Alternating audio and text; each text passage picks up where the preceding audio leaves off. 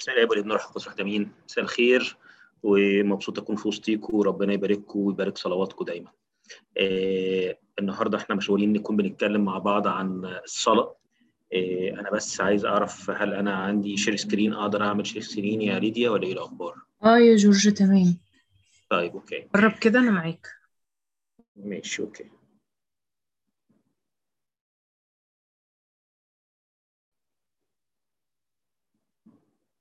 تمام كده ظاهر عندكم؟ آه تمام. أوكي. هو بصراحة أنا نفسي النهاردة أكون بشارك معاكم فكرة ما بين الصلاة ما بين آه، آه، الطبيعة الإنسانية والمسؤولية الروحية. بصراحة العنوان ده يعني شوية شاغلني جدا إن ما بين إن إحنا طبيعتنا الإنسانية بتغلب علينا شوية في أوقات كتيرة. وما بين اللي إحنا خدام ربنا مدينا المسؤولية ومدينا اللي إحنا نكون مسؤولين عن نفوس وعن خدمات وعن اجتماعات وعن مؤتمرات وعن تسبيح وعن افتقاد أمور كتيرة جدا إحنا مسؤولين عنها ومحتاجين نكون بنصلي لها لأن خدمة من غير صلاة هي ببساطة جدا خدمة ضعيفة جدا ملهاش أي قوة ملهاش أي تأثير. وفي نفس الوقت الحياة الشخصية اللي إحنا محتاجين نكون بنصلي لها وكل ده ونرجع تاني للطبيعة الإنسانية اللي فيها. أنا بقى لي فترة عمال أصلي لأجل أمور كتيرة وبيحصل.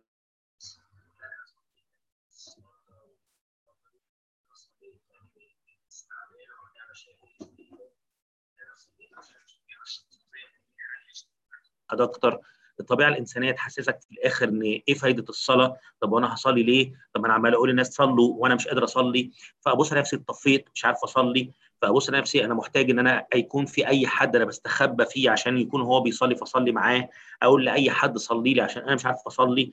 الوضع بقى فيه شوية حروب كتيرة في موضوع الصلاة في إعاقات كتيرة في موضوع الصلاة ومش هخبي عليكم إن السنة ونص اللي فاتوا في موضوع كورونا أغلب الناس إيه، حست بكتير جدا إن موضوع الصلاة ده بقى ثقيل وما بقاش قد كده. أنا قادر بتلقائية وبحرارة زي زمان. وعشان كده أنا مشغول النهارده نكون ربنا بيدينا خطوات في أمر الصلاة دوت. نكون فعلا إيه، بنخرج من الوقت النهارده كلنا ربنا مدينا إن إحنا نكون بننفتح مرة تانية على باب الصلاة. اللي بيدخلنا لعرش النعمة اللي بيخلينا نعرف ناخد ونتمتع.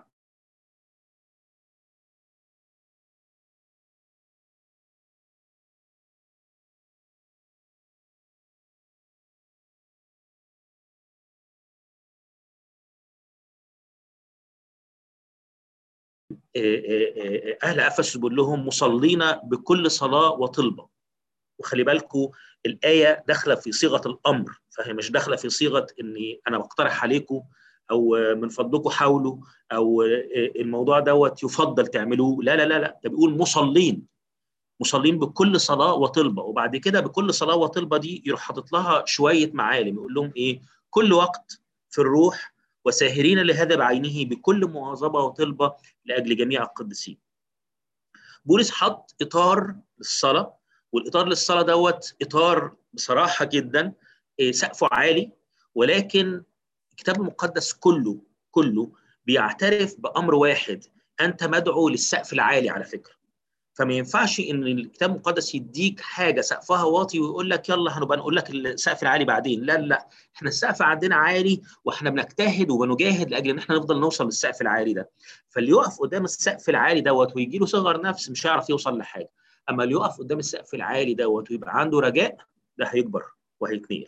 عشان كده أنا عايز أكون بروح معاكم لأمر الروح القدس ده. ان نصلي بكل صلاة وطلبة. يعني إيه كل صلاة وطلبة؟ يعني ببساطة جدا ربنا داعينا إن يكون في عندنا أنواع من الصلوات. صلاة واحدة.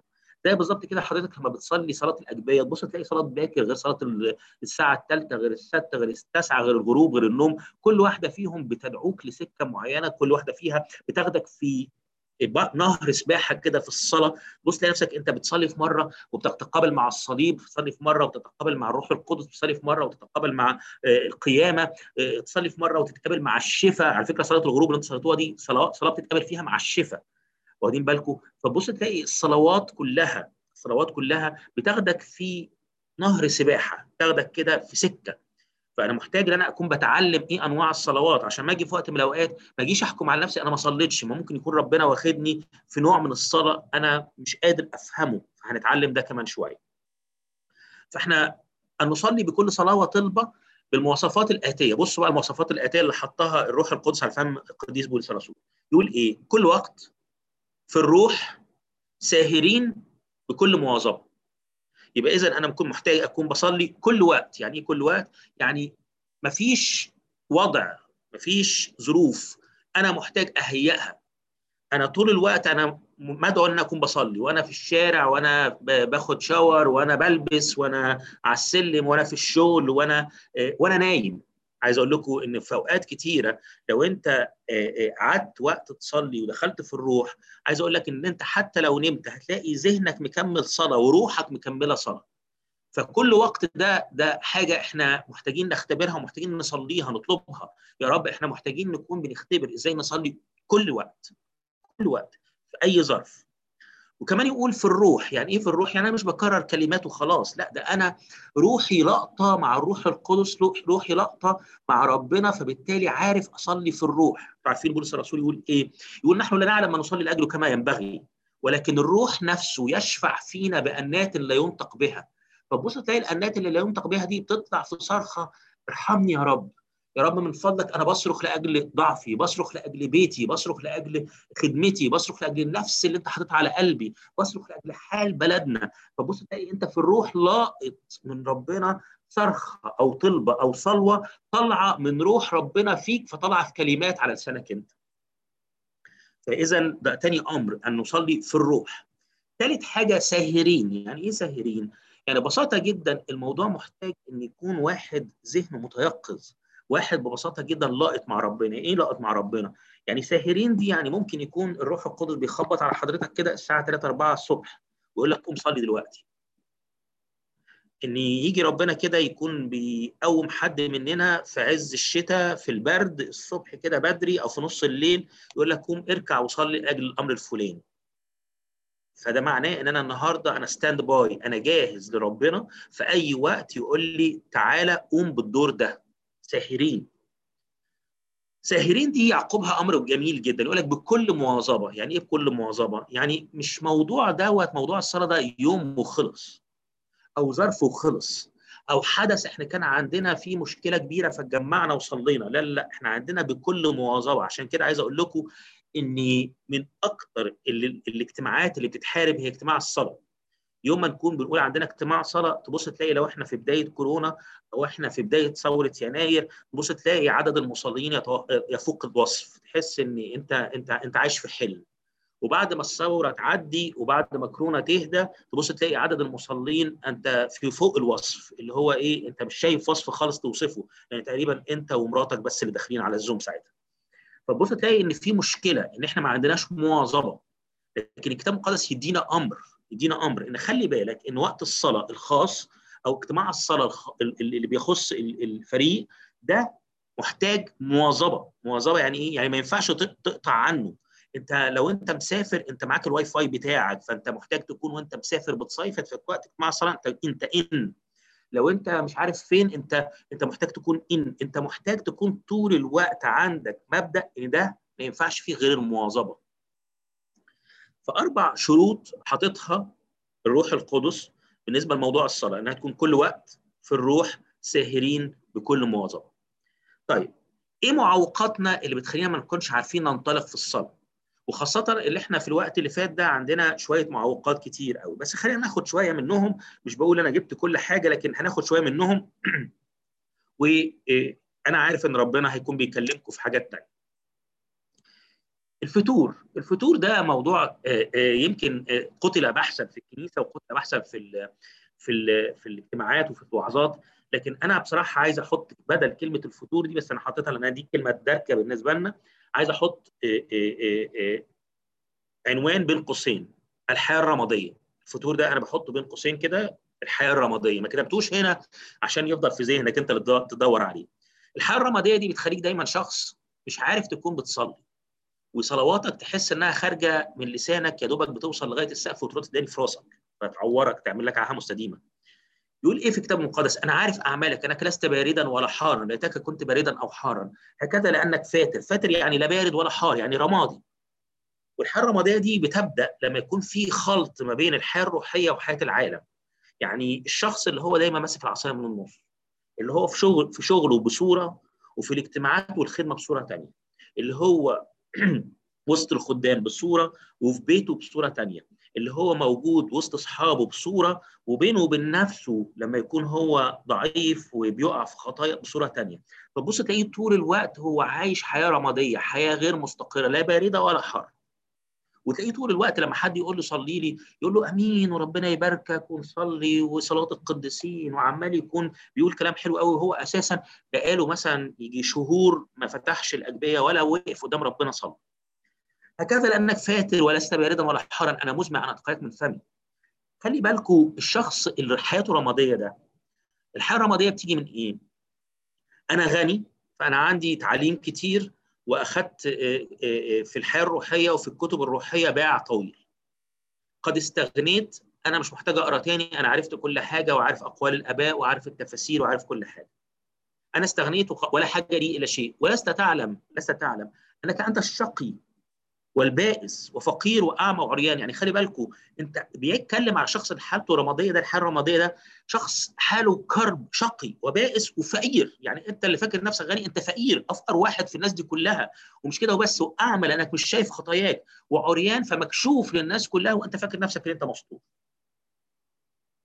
عشان كده يقول له أشير عليك أن تشتري مني ذهبا مصفى بالنار لكي تستغنى ذهبا مصفى بالنار. يعني يعني الذهب ده بيخش جوه اختبارات ومحكات ويطلع كده نقي يطلع نظيف أي نعم الحرارة بت بت بتشد عليه. أي نعم بيشوف وقت صعب. أي نعم بينصهر وبينفك منه حاجات لكنه ساعتها بيتغير. خلي بالك الوقت اللي فات اللي يمكن أنت بتمر فيه بوقت صعب وكنت بتصلي صلوات قليلة وكنت بتصلي وأنت متغصب وكنت بتصلي وأنت حاسس بوجع وكنت بتصلي وأنت حاسس إنك يعني مش مرتاح انت على فكرة كنت بتصفى عشان تستغنى عشان تاخد غنى بجد. وثيابا بيض لكي تلبس. فكان كل الوقت اللي فات وانت بتصلي كان بيتكشف عنك بعض الشوائب. كانت بتطلع عنك شوية تذمرات شوية أمور انت ما كنتش فيها متصالح مع ربنا متصالح مع نفسك متصالح مع الآخرين مع هذه الأمور. ربنا عمال ينقيك فعمال تلبس ثيابا بيض فبالتالي خزي عريتك اتكسر. وفي الوقت اللي انت فيه كنت بتمر بمحكات دي كان ربنا بيكحل عينيك عشان تبصر. تبصر إيه؟ تبصر الحال الحقيقي الواقعي لحياتك وحياة النفوس اللي حواليك. خلي بالكوا الشخص اللي محتاج يكون بيخرج بره الحياة الرمادية يخرج بره الفتور لازم يعرف كويس قوي إن في الأوقات اللي ربنا بيوبخه بيه وبيأدبه فيه يكون فاهم إن ده إعلان عن حب ربنا فبالتالي يكون واخد خطوة إن هو يتوب عن الحياة الرمادية. عشان كده بيقول إني كل من أحبه واوبخه وأؤدبه فكون غيورا وتوب ده يخلينا عشان الحياة الرمادية دي تنفك عشان الحياة الرمادية دي نخلص منها. يقول كده أنا واقف على الباب وأقرأ. خلي بالكم ال ال ال الآية دي إحنا بنستخدمها لأجل الناس البعاد عن ربنا مع إن الكنيسة اللي مبعوث لها الآيات دي كنيسة كنيسة قوية. بس حالها كان اتقلب. بيقول إيه؟ بيقول إيه للكنيسة القوية دي؟ بيقول إيه للخدام دول؟ بيقول لهم صور إن أنت خادم وأنا واقف على بابك وأقرأ. يعني يعني ربنا بره. وأنا النهارده بدعوك لأن أنت تيجي تفتح قلبك مرة تانية للصلاة. فاسمع صوتي وافتح عشان أدخل إليك وأتعشى معاك وأنت معاك اذا أول معوق هو الحياة الرمادية أو الفتور. تعالوا مع بعض نتكلم كمان عن تاني حاجة. من ضمن الأمور اللي بتخلينا ما نعرفش نصلي إن إحنا وإحنا بنصلي ما عندناش إيمان ما فيش إيمان. وكمان بيربط عدم الإيمان ده بعدم الغفران يعني عدم الإيمان وعدم الغفران الاثنين أنا حاططهم في نقطة واحدة لأنهم ماشيين مع بعض. تقول لي إزاي؟ هقول لك. في الصباح إذ كانوا مجتازين رأوا التينه قد يبست من الاصول فتذكر بطرس وقال وقال له يا سيدي انظر التينه التي لعنتها قد يبست. فأجاب يسوع قال لهم ليكن لكم إيمان بالله. وبعدين؟ ليه ليكن لكم إيمان بالله؟ لاني لاني الحق أقول لكم إن من قال لهذا الجبل انتقل وانطرح في البحر. يعني واحد بيصلي واقف قدام تحدي زي جبل وبيقول له للجبل ده بيقول التحدي ده يلا اتحرك يلا روح انطرح في البحر. ولا يشك في قلبه بل يؤمن أن ما يقول يكون فمهما قال يكون له. لذلك أقول لكم كل ما تطلبونه حينما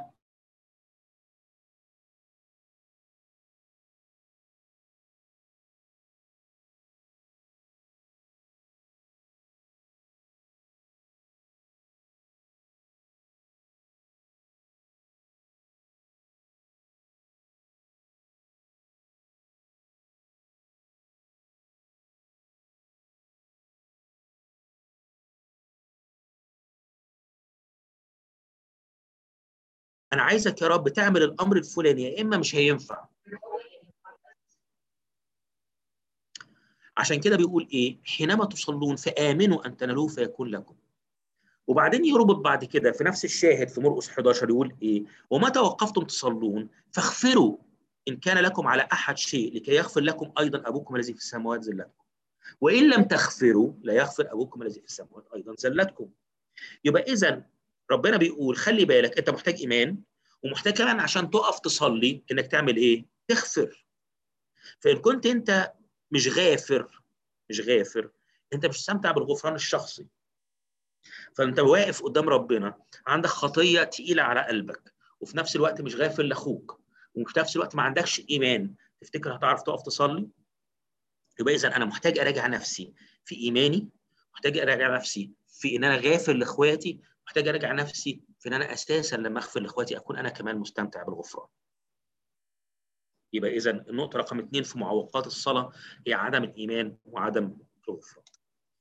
طيب في أمر تاني بيعوق بيعوق الصلاة العلاقات المكسورة. تيجي تقول لي طب ما ده ممكن يكون بيخش في دنيا الغفران مش دايما خلينا أقرأ معاكم شاهدين الشاهدين دول بيتكلموا عن العلاقات المكسورة.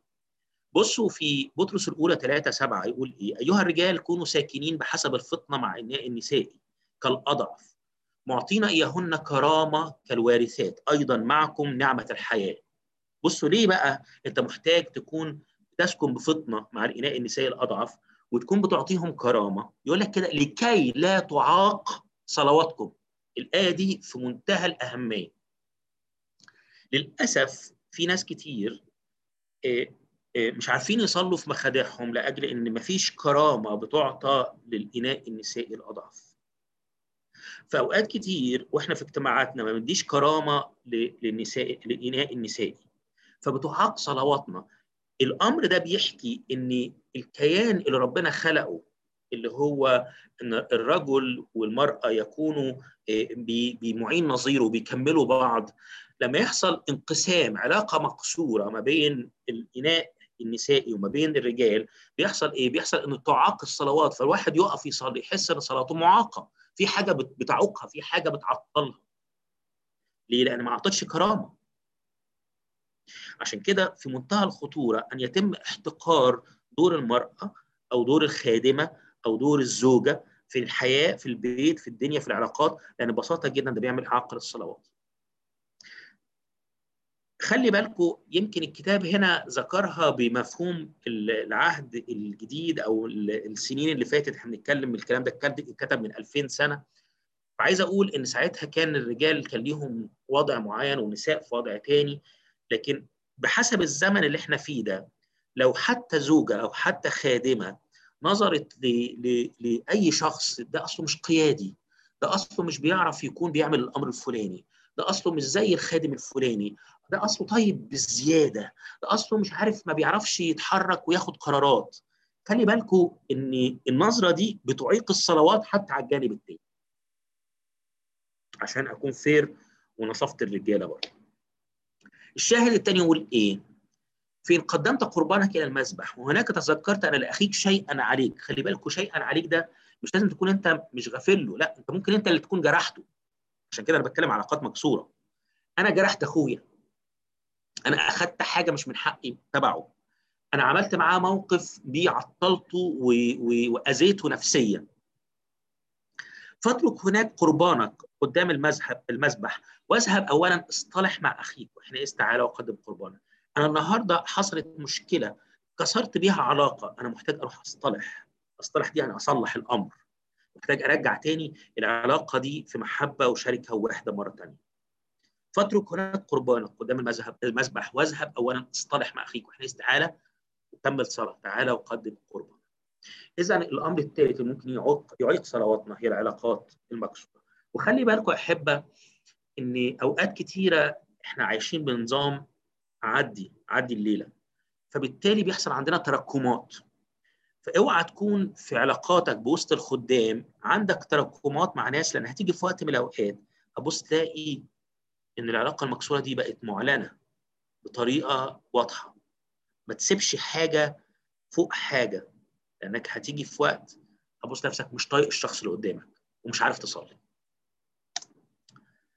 هنتكلم عن حاجتين اخرانيين أربعة وخمسة دول أو آخر معوقين. المعوق الرابع هو الهم. ويجي في فيليبي 4 6 يقول لا تهتموا بشيء. وخلي بالكم زي ما الآية الأولانية ابتدينا بيها مصلين بكل صلاة وطلبة وكان فيها أمر لا تهتموا بشيء دي أمر. لا تهتموا بشيء. بل في كل شيء بالصلاة والدعاء مع الشكر. تعلم طلباتكم لدى الله. هل ده معناه إن إحنا محتاجين نسيب أشغالنا ونروح الاديره لا لا لا. ده معناه إن إحنا محتاجين نحول كل تحدياتنا ومشاكلنا للصلاة والدعاء مع الشكر. فأنا محتاج آخد التحدي أحطه في الصلاة. أحطه في الدعاء. الدعاء ده هنا معناه التوسل.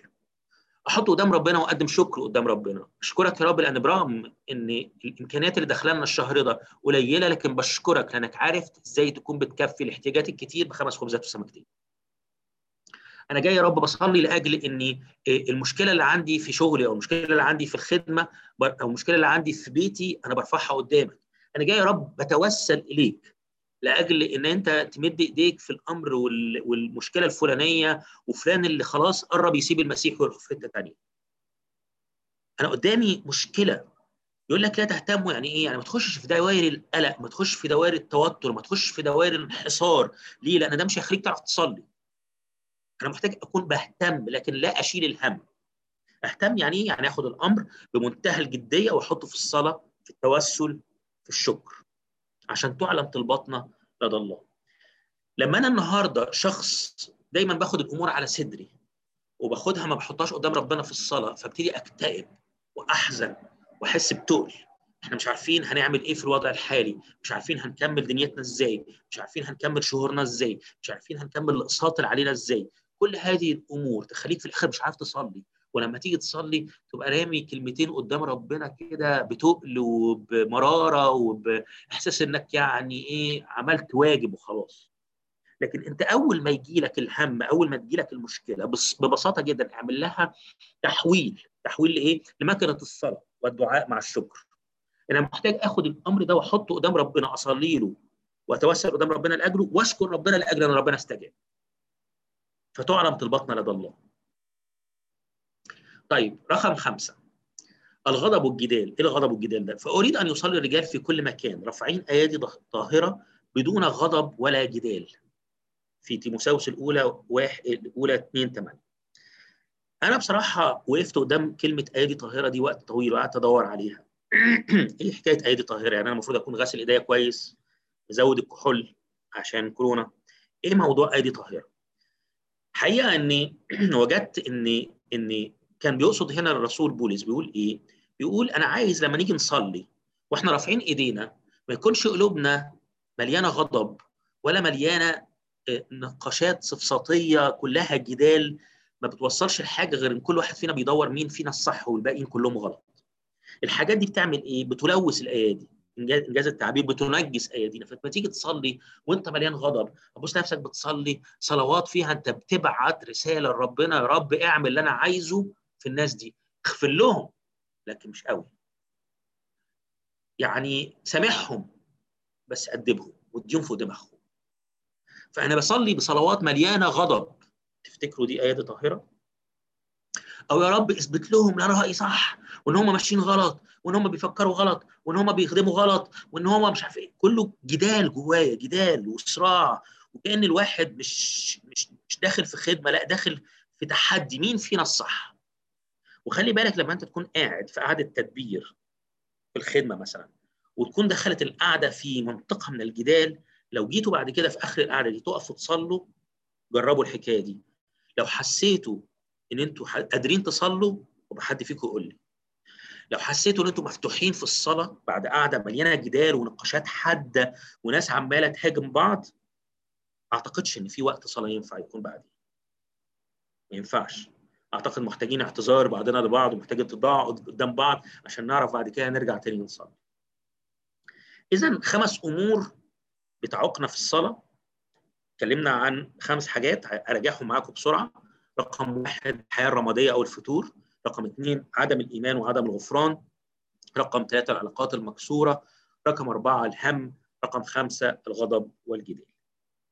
طيب تعالوا نروح للآية الأساسية اللي إحنا كنا فيها. بيقول إيه؟ مصلين بكل صلاة وطلبة. طب يا رب إحنا عايزين بقى بعد ما عرفنا المعوقات دي نرجع تاني لحياة الصلاة. نصلي إزاي؟ وإيه أنواع الصلوات اللي أنت عايز تاخدنا فيها؟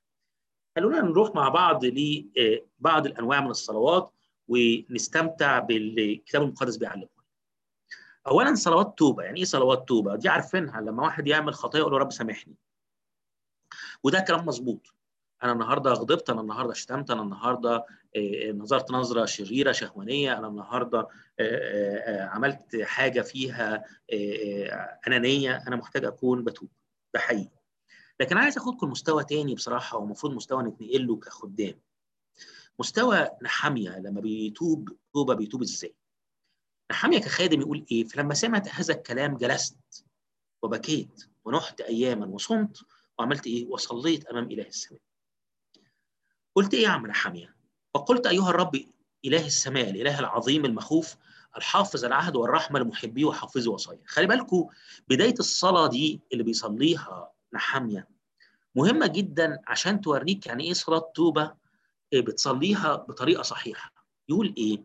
أنت إله عظيم مخوف يعني يا رب أنت ليك هيبتك وليك مخافتك. لكن مع ذلك انت حافظ العهد حافظ العهد اللي بيقول إيه؟ إنه ان اعترفنا بخطايانا فهو أمين وعادل حتى يغفر لنا خطايانا ويطهرنا من كل اسم. فلو أنا داخل أصلي صلاة توبة ما عنديش هذا اليقين. أنا هطلع وأنا مش شاعر بغفران ربنا. يبقى دي مش صلاة توبة. أنت حافظ العهد. أنت حافظ العهد لأنك بتقول كده إن من يقبل إلي لا أخرجه خارجا.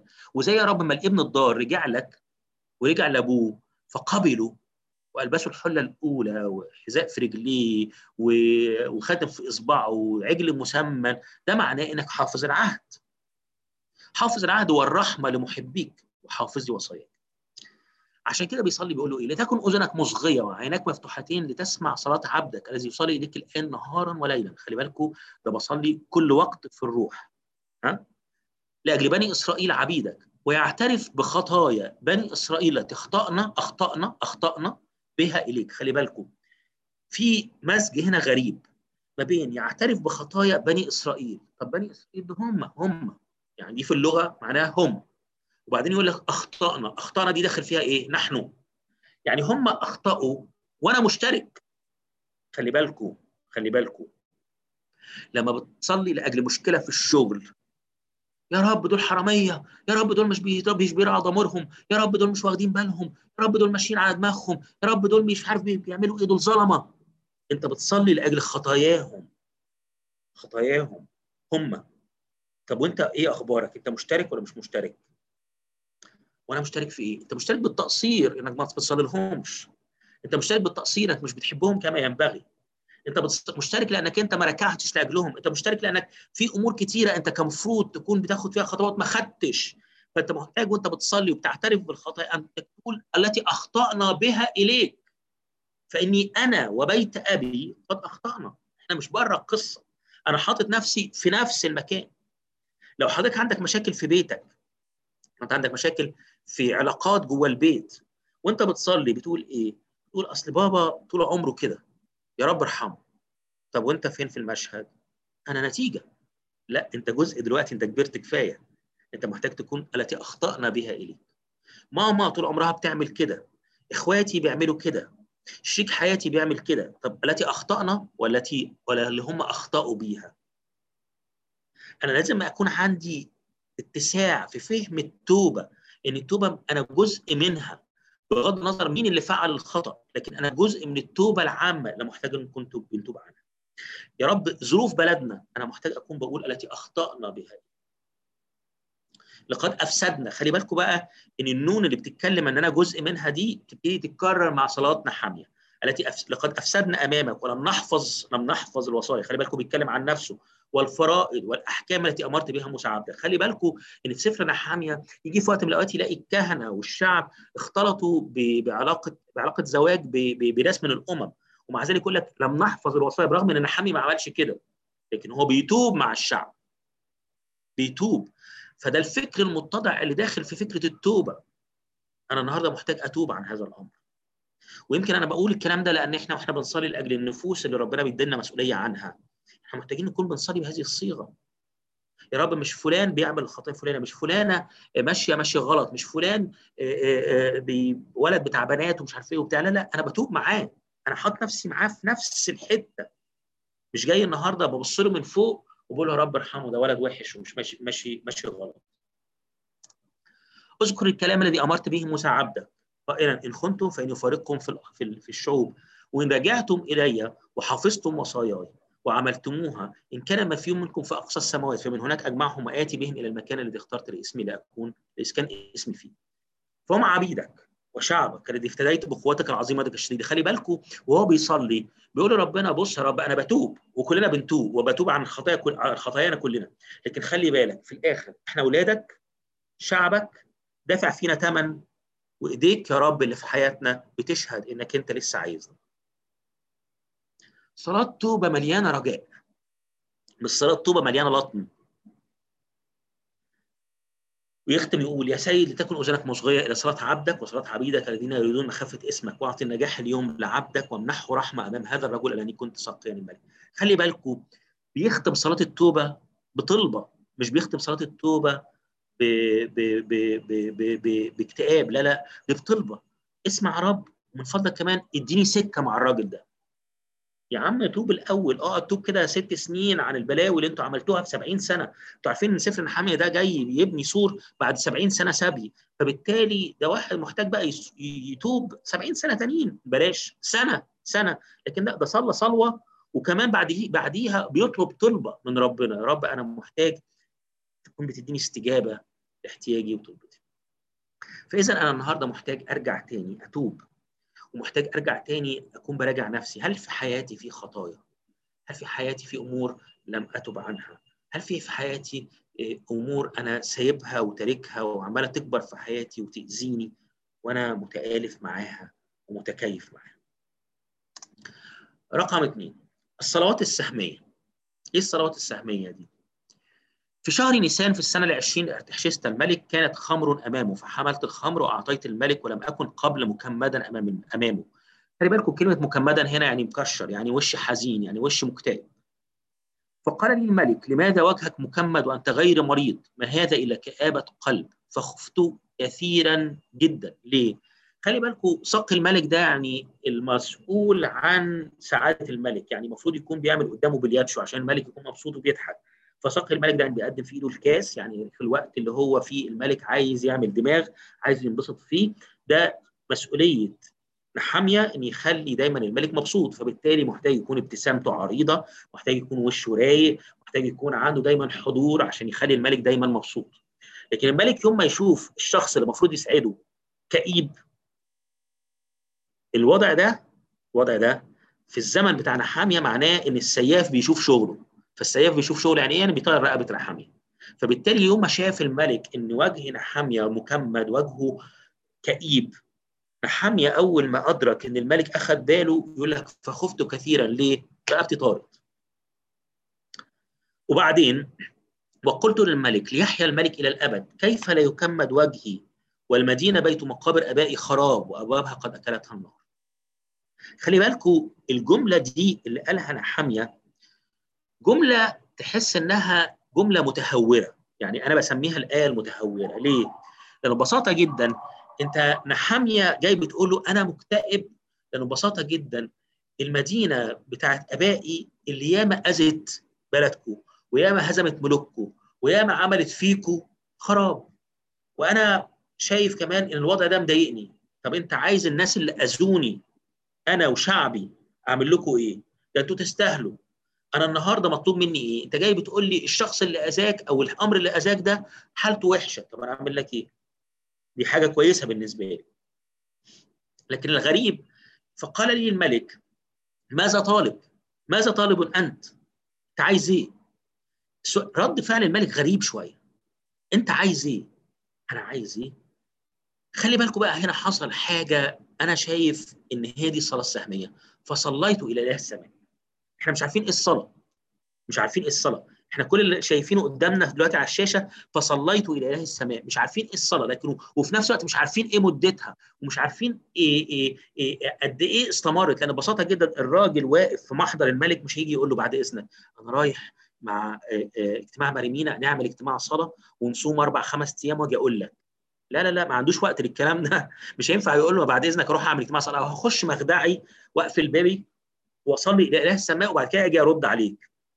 مفيش وقت. أنت محتاج ترد على الملك اللي بيقول لك ماذا طالب أنت. ويمكن أنت بتواجه دوت في شغلك. يجي المدير يقول لك أنت المفروض هتعمل إيه؟ أنت عايز مني إيه دلوقتي؟ ويمكن بتواجه دوت في أمور كتيرة في حياتك اليومية في تصرفاتك في أي أمور وأنت ماشي في الشارع في أي ظرف. يقول كده فصليت إلى السماء. صلاة سريعة سهمية فيها طلبة. يا رب أنا أعمل إيه دلوقتي؟ يا رب حط كلامك على فمي. يا رب أنا مش عارف أتصرف إزاي. يا رب أنا محتاج تدخلك. وبعد ما صليت إلى السماء قلت للملك إذا سر الملك وإذا أحسن عبدك أمامك ترسلني إلى يهوذا إلى مدينة قبور أبائي فإيه؟ فأبنيها. هي قوة الصلاه السهميه دي تخليك تطلب طلبة بهذا الحجم. إنك تقول للراجل كده أنا رايح أبني المدينة دي تاني عشان تقف على حيلها وتقف قدامكم يا أهل بابل يا اللي أنتوا زلتونا 70 سنة هي الصلاة دي تخلي الملك دماغه تتغير فيسيب واحد السقي بتاعه يرجع بلده يبني مدينة كانت مدينة عاصية على على على أهل على أهل بابل ومدينة اذتهم سنين طويلة. طبعا أنتوا عارفين بقية قصة سفر نحاميه. لكن عايز أقول إن الصلوات السهمية اللي أنت وأنت بتصليها وأنت ماشي في الشارع وأنت وأنت حضرتك بتغسلي المواعين وأنت وأنت بتنشري الغسيل وأنت بتصلح حاجة في البيت وأنت بتركب لمبة الصلاه السهمية دي ممكن يكون لها تأثير فوق المتوقع بالنسبة لك. فمن فضلك ما, ما تكونش بتبطل صلاة. مصلين كل وقت كل وقت.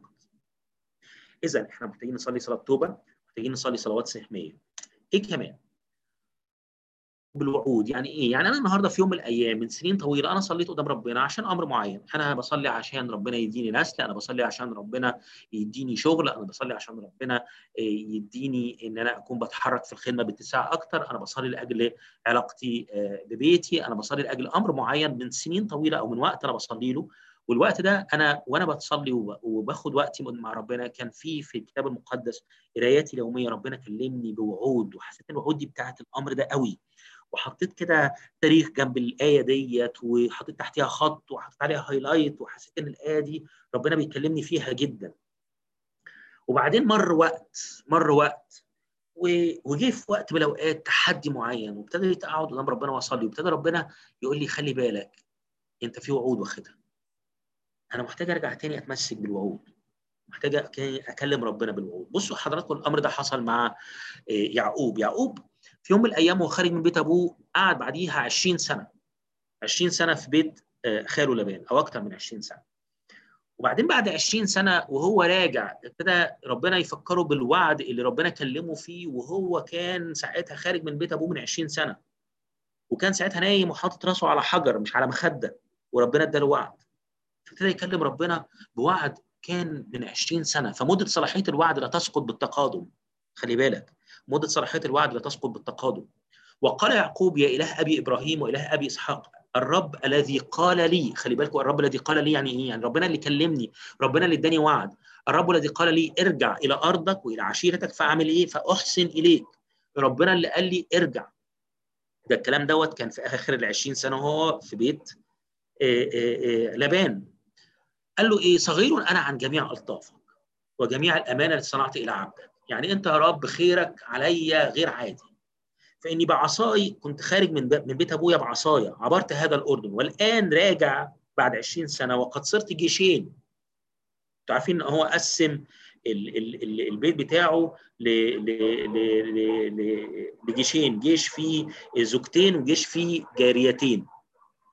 وكل دي, دي بعيالها ودي بعيالها. فالآن قد صرت جيشين. يعني أنا راجع ببركات كتير. لكن يا رب أنا جوايا جوايا مشاعر صعبة قوي جوايا خوف. نجني من يد أخي من يد عيسو لأني خائف منه أن يأتي ويضربني الام مع البنين.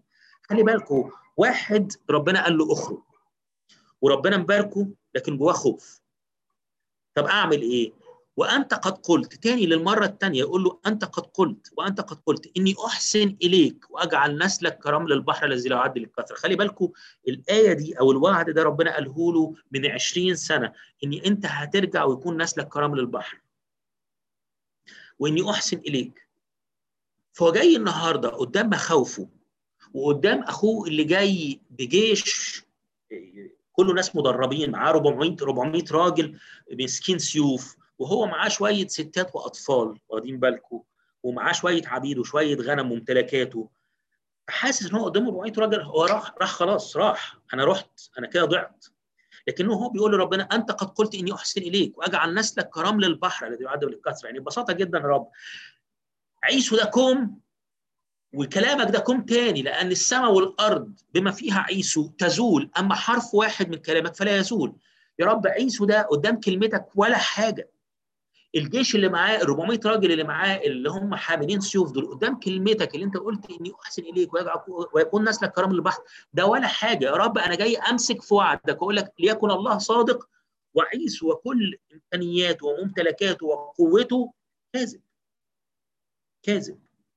أنا متمسك بالوعد وواثق إن صاحب الوعد أمين. هل أنت النهارده في الوقت ده ربنا جاي بيقول لك افتكر وعودي؟ صلي بيها اتمسك بيها. تعالى مرة تانية جدد العهد كده وامسك أجندتك وافتح كده أجندتك ودور. أنا ربنا كلمني إيه من سنة إيه؟ وأنا نسيت. أنا نسيت. أنا ربنا مكلمني. أنا ربنا قايل لي أنا ربنا وعدني. آخد الوعد وأمسك في الوعد. طيب رقم أربعة. صلوات المواجهات بمعنى إيه المواجهات؟ يعني أنا بتواجه بحرب عنيفة في شغلي، بتواجه بحرب على خدمتي، بتواجه بحرب شخصية على حياتي، في مواجهات كده أنا داخل فيها. فيقول يهوشافاط في جماعة يهوذا وأورشليم في بيت الرب أمام الدار الجديدة وقال كان ساعتها يهوشافاط جاي عليه جيش جرار، جيش قوي جدا وكان يهوشافاط ما يقدرش يقف قدام الجيش ده. وقال يا رب إله ابائنا أما أنت هو الله في السماء وأنت المتسلط على جميع ممالك الأمم وبيدك قوة وجبروت وليس من يقف معك. ابتدى ياخد وقت بيعلن فيه مين هو ربنا في حياته وهو بيصلي. ألست أنت إلهنا الذي طردت سكان هذه الأرض من أمام شعبك إسرائيل وأعطيتها لنسل إبراهيم خليلك إلى الأبد؟ إحنا مختبرينك قبل كده يا رب. فسكنوا فيها وبنوا لك فيها مقدسا لاسمك قائلين إذا جاء علينا شر سيف قضاء أو وباء أو جوع ووقفنا أمام هذا البيت وأمامك لأن اسمك في هذا البيت وصرخنا إليك من ضيقنا فإنك تسمع وتخلص ده وعدك.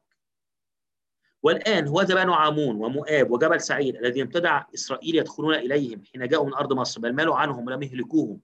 يعني الناس دول أنا عملت معاهم يا رب أنت عملت معاهم من خلالنا خير.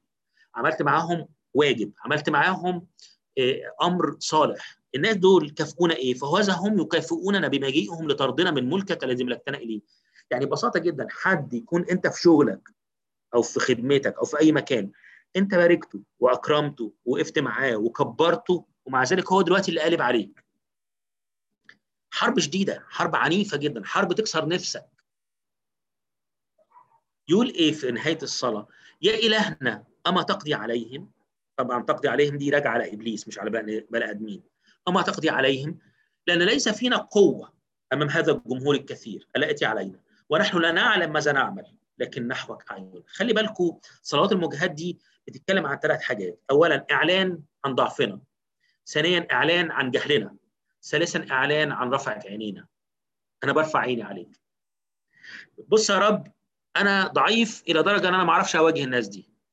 وكمان أنا جاهل بطرقهم. هم عندهم طرق وخبث وأفكار ومكر. أنا مش بتاع الحاجات دي ما أعرفش. لكن يا رب أنا عندي حاجة واحدة بس أنا اتعلمتها من سفر النشيد.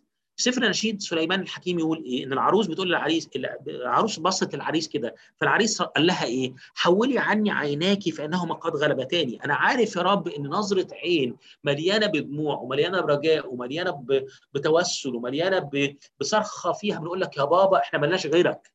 النظرة دي في حد ذاتها صلاه النظرة دي بتحرك قلبك النظرة دي بتحرك ذراعك ويمينك. عشان كده يا رب إحنا النهارده جايين بنقول لك برغم ضعفنا وبرغم جهلنا لكن رافعين عينينا عليك وعارفين إن كل من نظر إليه لا يخزى إذا دي صلوات المواجهات. يمكن أنت شايف إن الصلاة كان محتاجه إن الواحد يقف ويقول كلام كبير. لا لا الراجل ده في الصلاة دي فكر ربنا أو كلم ربنا بوعوده. واتكلم مع ربنا عن قوته وقدراته واتكلم مع ربنا عن معاملات ربنا قبل كده في حياته وبيختم الصلاة بيقول له برغم معاملاتك وبرغم ان انت عظيم جدا وبرغم ان إحنا بنقول لك إن وعودك كذا لكن إحنا يا رب ضعفة جدا وجهله جدا لكن عينينا عليك. إحنا عينينا عليك يا رب. دي رقم أربعة. رقم أنا يعني عايز أكون بجري شوية في الحاجتين الفاضلين دول علشان أنا حاسس أنا طولت عليكم. يجي يقول كده إيه؟ رقم خمسة. صلوات الحمد والتسبيح.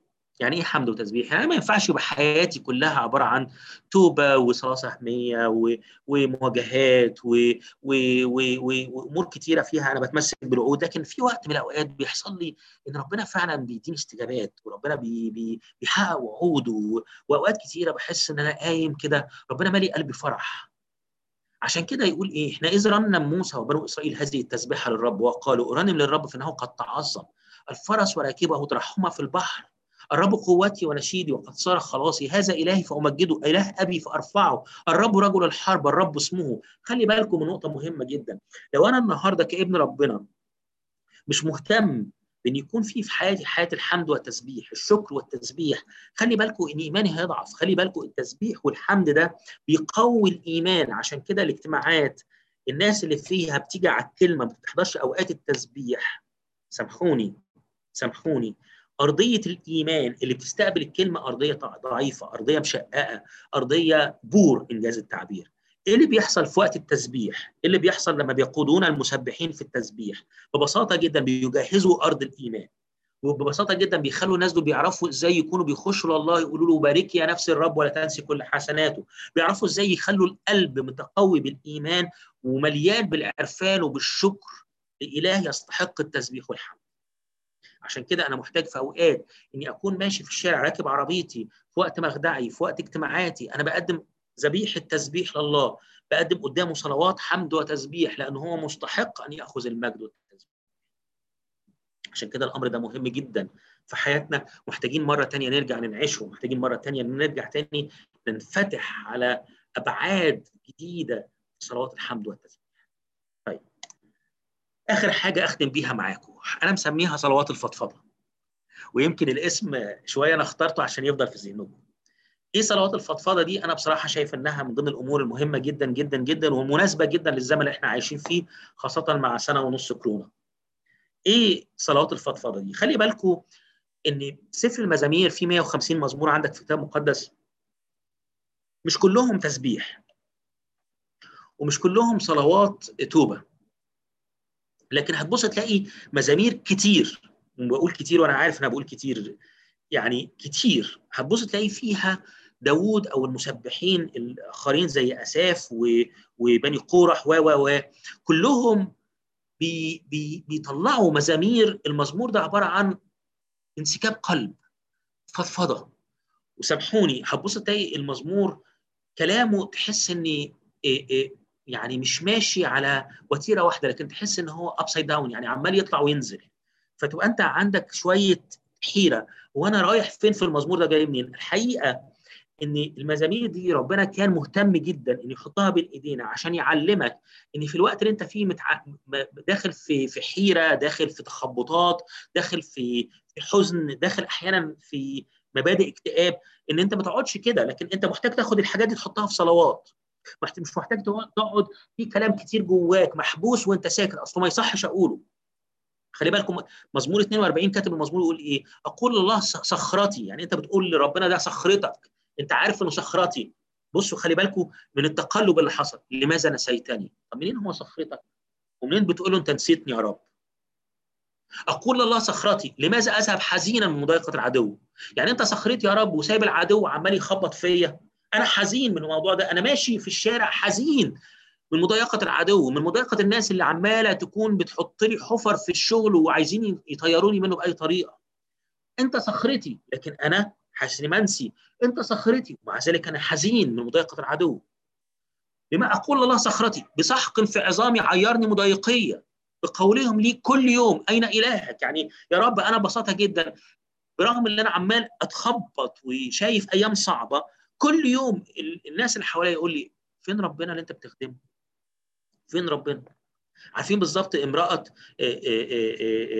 أيوب ساعة لما قالت له بارك الله ومت يعني العن الله وموت ما هو خلاص فين ربنا؟ فين ربنا وانت حالك كده؟ فين ربنا وممتلكاتك بتضيع؟ فين ربنا وشغلك بيروح؟ فين ربنا واولادك بيموتوا؟ فين ربنا وانت بتصاب بالامراض اللي ملهاش شفاء؟ فين ربنا؟ أين إلهك؟ عيب ما يتقالش الكلام ده، لا من فضلك امسك ورقة وقلم واكتب اللي جواك. أنا أدعوك اليوم لصلوات الفضفضة، اكتب اللي جواك لما يطلع في محضر ربنا أحسن ما يمرر قلبك وتطفي في الصلاة خالص. يطلع في محضر ربنا أحسن ما تيجي أنت في وقت تطلعه في صورة تذمرات وتمرد على ربنا إبليس يمسكها عليك ويشتكي عليك قدام ربنا يقول له شايف دي بنتك ده ابنك اللي بيخدمك اهو بيتكلم بتذمر وتمرد وبيشوح لك. لا لا تعالى قدام ربنا بكل اللي في قلبك. قول له بص يا رب أنا هكب اللي في قلبي قدامك أحسن ما إبليس يمسكه عليا وأحسن ما أنا اتمرر عشان كده يجي في المزمور ده يقول إيه؟ لماذا أنت منحنية يا نفسي؟ لماذا تأنين فيا؟ يعني هو بيعترف قدام ربنا إن نفسه منحنية وإن هو جواه أنين. لكن بيقول لها إيه؟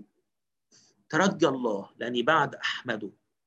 وخلي بالك ربنا هيخلصني هيخلص وجهي خلاص وجهي وإلهي. يعني فينا عارفين يعني خلاص وجهي وإلهي يعني ربنا هيرفع راسي مره ربنا هيرجع تاني يديني نصرة إن ربنا هيكون بينصفني خلاص وجهي وإلهي. كم المشاعر المختلطة والمتداخلة في ثلاث آيات أنا حاططهم قدام حضراتكم عجيب.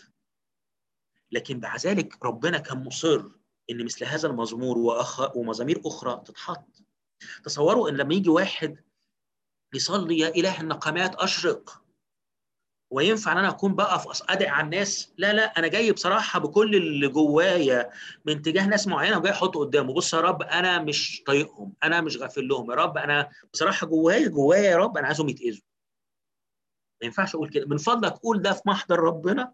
أحسن ما يفضل جوه قلبك وأنت عمال تقع في خطايا بسببه.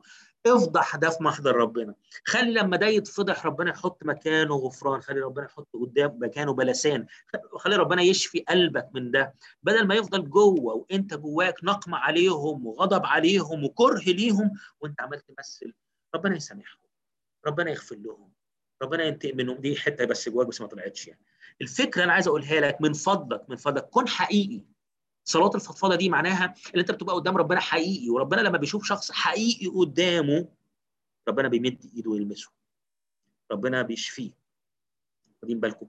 عارفين لما الشخص اللي جاله جاله واحد لما واحد جه المسيح وبيقول له يعني ابني مجنون جدا ابني ابني عنده صرع. فقال له كل شيء مستطاع للمؤمن. فقال له يا رب عن عدم إيماني. يعني الراجل طلع اللي جواه قدام ربنا. قال له بص يا رب أنا بقول لك أعن بس أعن إيه؟ مش ضعف إيماني لا لا في وقت من الأوقات قال له أعن عدم إيمان مفيش. ربنا قال له روح ولما يبقى عندك إيمان تعالى لي. لا لما الراجل ده طلع الفضفضة دي طلع الحقيقة لما كان الشخص ده كان حقيقي قدام ربنا يقول إيه؟ فربنا بصوت على طول انتهر الروح.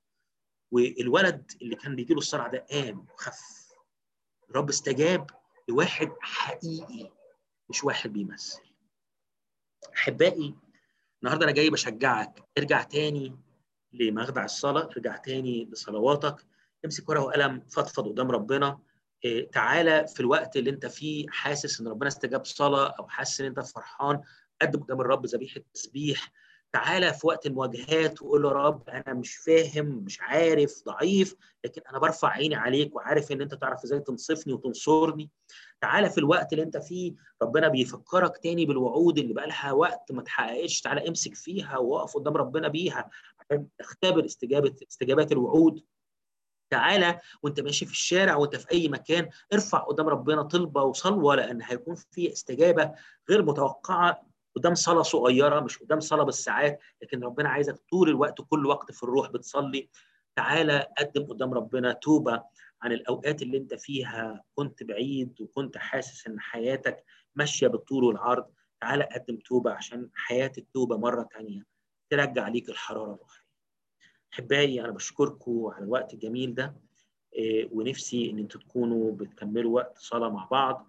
أنا هصلي لكم بعد كده هكون بسيبكم تكملوا وقت صلاه. بسم الله والابن والروح القدس واحد امين يا رب اشكرك لاجل اخواتي بشكرك لاجل الخدام يا رب اختاروا وطلبوا يا رب وجهك وطلبوا يا رب ان هم يكونوا بيجوا يا رب علشان يكونوا بيكرموا اسمك ويكونوا بيدوروا عليك ويكونوا يا رب بيخدموك خدمه مرضيه امامك يا رب أنا بصلي انك تكون بتباركهم كلهم وتعطيهم يا رب وقت مبارك وقت يا رب يكونوا فعلا بيستمتعوا فيه يا رب قدامك وقت يا رب بيرجعوا فيه تاني لأوقات الصلاة العظيمة المجيدة اللي بترجع عليهم حرارتهم الروحية. يا رب فعلا كل واحد فينا يختبر حارين في الروح عابدين الرب. يا رب رجع تاني لينا أزمنة الحرارة الروحية أزمنة النار اللي بتطلع من القلوب في صلوات وفي تسبيحات لأنك أنت مستحق يا رب ده. يا رب إحنا جايين نطلب منك أن نكون مصلين بكل صلاة وطلبة كل وقت في الروح ومواظبين بهذا. يا رب وساهرين على هذا. يا رب أنا بصلي إنك تباركنا وتدينا إن إحنا نكون كنيسة مصلية. فعلا يا رب الكنيسة المصلية. جيوش جيوش العالم لا تقدر أن تقف أمام ركب ساجدة. بارك إخواتي احفظهم في اسمك لأجل دمك لأجل صليبك لأجل صلوات العذراء لأن ليك كل المجد امين ميرسي جورج خول ربنا يبارككم نرجس اتفضلي.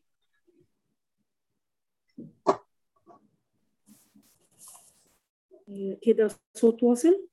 آه تمام. بسم الاب والابن والروح القدس إله واحد آمين.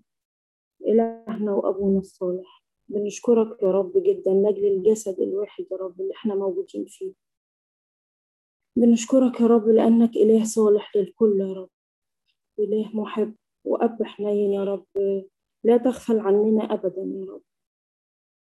إيديك يا رب وعنايتك محوطانا يا رب أشكرك من أجل كلامك وحقك يا رب ووصاياك اللي اديتها لنا يا رب عشان نثبت في كرمك يا رب أشكرك لأنه من حبك يا رب فينا عايزنا دايما يا رب نكون في محضرك.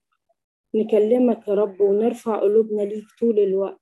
لأجل يا رب ما نتحد بيك يا رب وده شوق قلبك. يا رب مهما يا رب سمعنا كلام عن الصلاة لكن يا رب أكيد مش هنتعلم الصلاة إلا لما ندخل المخدع يا رب و... ونتراءى يا رب قدامك ونخش الصلاة نفسها يا رب. الوجود يا رب في محضرك هو اللي هيعلمنا يا رب. عشان كده يا رب نفسي تخلق فينا شوق يا رب ولهفة لمخادعنا يا رب اللي إحنا مفتقدينها يا رب الحقيقة. زي ما انت يا رب شوق قلبك تقعد معانا يا رب. نفسي يا رب تكسر كل ملل أو تأجيل أو فتور يا رب. الفتور فعلا يا رب تعبنا جدا يا رب. في فتور في قلوبنا يا رب. أنت يا رب العامل فينا أن نريد.